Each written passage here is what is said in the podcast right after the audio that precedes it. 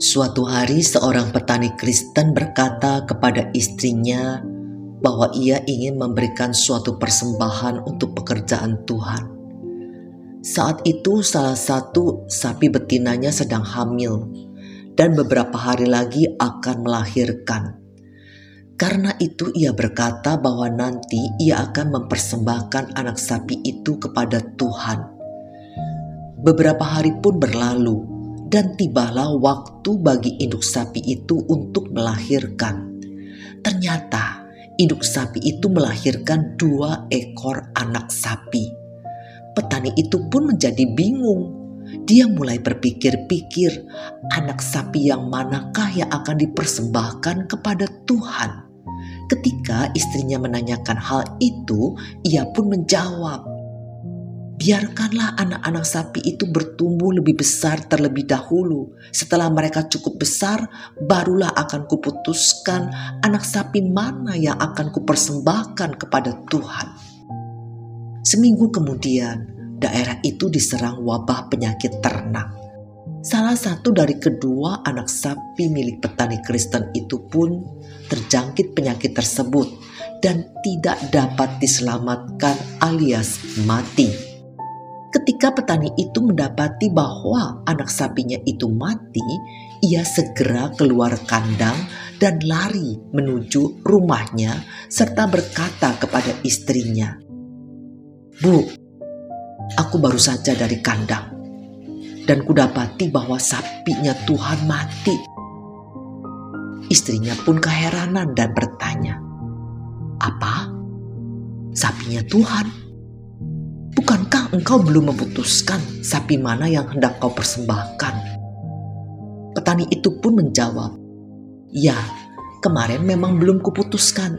Tetapi tadi ketika aku berada di kandang, telah kuputuskan bahwa yang mati itu adalah sapinya Tuhan.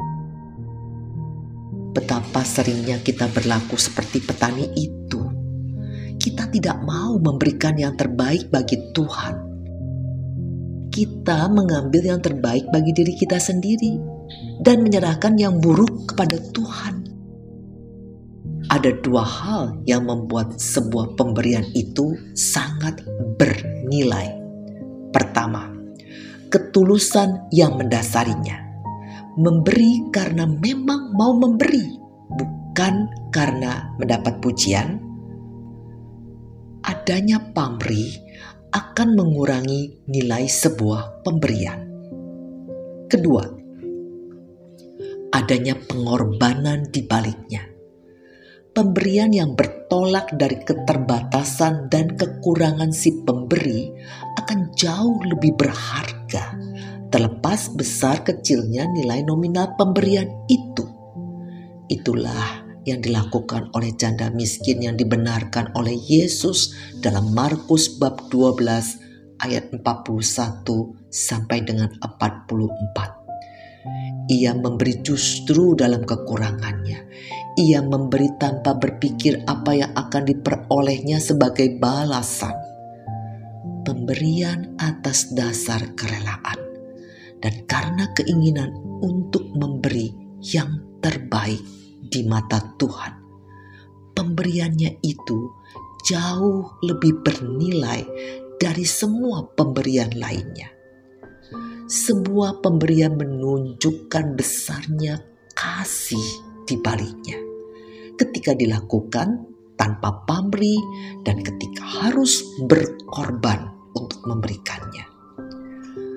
Hendaklah masing-masing memberi menurut kerelaan hatinya jangan dengan sedih hati atau karena paksaan, sebab Allah mengasihi orang yang memberi dengan sukacita.